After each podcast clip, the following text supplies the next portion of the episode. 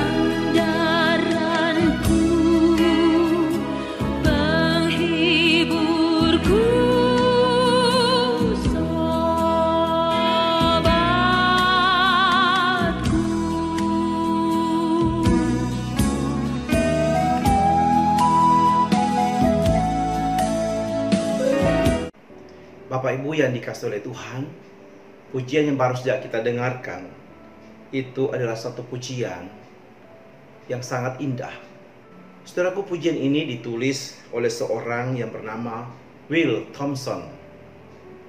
Lagu pujian yang baru saja kita dengarkan mengisahkan tentang pengalaman hubungan pribadi pengarang yang mendalam dengan Tuhan Yesus Kristus, yaitu Will Thompson. Lagu ini menggambarkan iman dan kepercayaan kepada Tuhan Yesus Kristus yang adalah segala-galanya sebagai teman yang sejati. Pujian ini dikarang pada tahun 1904. Saudaraku jemaat dikasih oleh Tuhan, Will Thompson adalah seorang musisi yang berbakat yang belajar musik di Boston dan di Jerman. Dia mencoba membuat begitu banyak lagu-lagu, banyak karya yang dia tuliskan. Kemudian dia menerbitkannya itu dan dia menyerahkan kepada suatu penerbit besar. Tetapi kemudian ditolak. Dan akhirnya Will Thompson ini mendirikan perusahaan penerbitan musiknya sendiri. Ternyata dia memiliki naluri bisnis yang sangat baik. Yaitu disebabkan karena pengaruh ayahnya dan juga gelar sarjana bisnisnya. Saudara-saudaraku yang saya kasih dalam Tuhan, namun belakangan ia, mera ia merasakan ada sesuatu yang hilang dari hidupnya. Dan dia berkata, pada suatu hari Tuhan berbicara di dalam hati Will Thompson ini. Pada suatu waktu ia bertemu dengan pendeta di El Moody. Pada waktu itu pendeta Moody mengatakan kepada dia, Will, lagu-lagu yang kamu tulis bagus. Tetapi mengapa kamu tidak menulis beberapa lagu yang akan memberkati hati dan kehidupan orang dan membawa orang kepada Kristus. Saudaraku, sejak saat itulah Will Thompson hanya menulis lagu-lagu rohani. Dan itu adalah merupakan satu keputusan yang tidak pernah dia sesali. Pujian yang tulis tadi, Yesus adalah segala galanya. Di dalam pujian ini, ia menuliskan, saudaraku, dalam syairnya. Ia berkata, Yesus adalah segala-galanya bagiku. Dia hidupku, dia sukacitaku, dia segalanya bagiku. Dia adalah kekuatanku dari hari ke sehari. Tanpa dia, aku jatuh. Ketika saya sedih, kepadanya aku pergi. Tidak ada orang lain yang bisa menghibur aku. Saat aku sedih, dia membuatku senang. Dia adalah temanku. Itu bait pertama di dalam tulisan lagunya. Bait kedua juga dengan kata-katanya begitu indah. Dia sana menuliskan bahwa Yesus adalah sahabatku pada saat aku menghadapi pencobaan yang berat. Aku pergi kepadanya dan aku mendapatkan berkat. Dan dia memberiku berkat itu berulang-ulang di dalam hidupku. Dia mengatakan, dia mengirim sinar matahari, dia mengirim hujan, dia memberikan tanah itu subur, panen menghasilkan. Yesus adalah temanku. Di bait 4 dia menuliskan kata-kata lagi yang lebih indah lagi yang mengatakan Yesus segala-galanya bagiku. Ia setia kepadaku. Bagaimana mungkin aku menyangkal dia? Ketika dia dengan setia kepada saya, ia selalu mengawasi aku siang dan malam. Dia selalu ada bersamaku setiap saat. Yesus adalah temanku. Dan di bait yang keempat, dia menuliskan perkataan seperti ini. Yesus adalah segala-galanya bagiku. Aku tidak menginginkan teman yang lain yang lebih baik selain daripada Yesus Kristus. Saya percaya kepadanya sekarang. Saya akan mempercayainya ketika hari-hari hidupku semakin singkat dan itu akan berakhir. Aku tetap percaya kepadanya karena dia adalah sahabatku.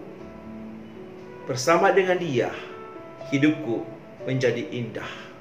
Setiap hari, setiap waktu aku jalani dengan begitu indah. Hidup kekal, sukacita abadi di dalam Yesus Kristus. Dia adalah temanku. Saudaraku yang saya kasih di dalam Tuhan, orang yang sudah sungguh-sungguh menjadikan Yesus segala-galanya, maka bagi dia seluruh hidup dia adalah Yesus. Yesuslah segala-galanya. Seperti dari firman Tuhan juga mengatakan kepada kita, waktu Rasul Paulus sudah mengenal Kristus menjadi segala-galanya dalam hidupnya, maka hidup dia bukan lagi untuk dirinya sendiri, tapi hidup dia adalah untuk Kristus. Bagaimanakah dengan saudara dan saya hari ini? Sudahkah menjadikan Yesus segala-galanya di dalam hidupmu? Sehingga dalam keadaan apa pun saudaraku, engkau tak merasakan akan berkatnya, penyertaannya di dalam hidup setiap kita. Kiranya Tuhan akan menolong kita dan memberkati kita. Amin.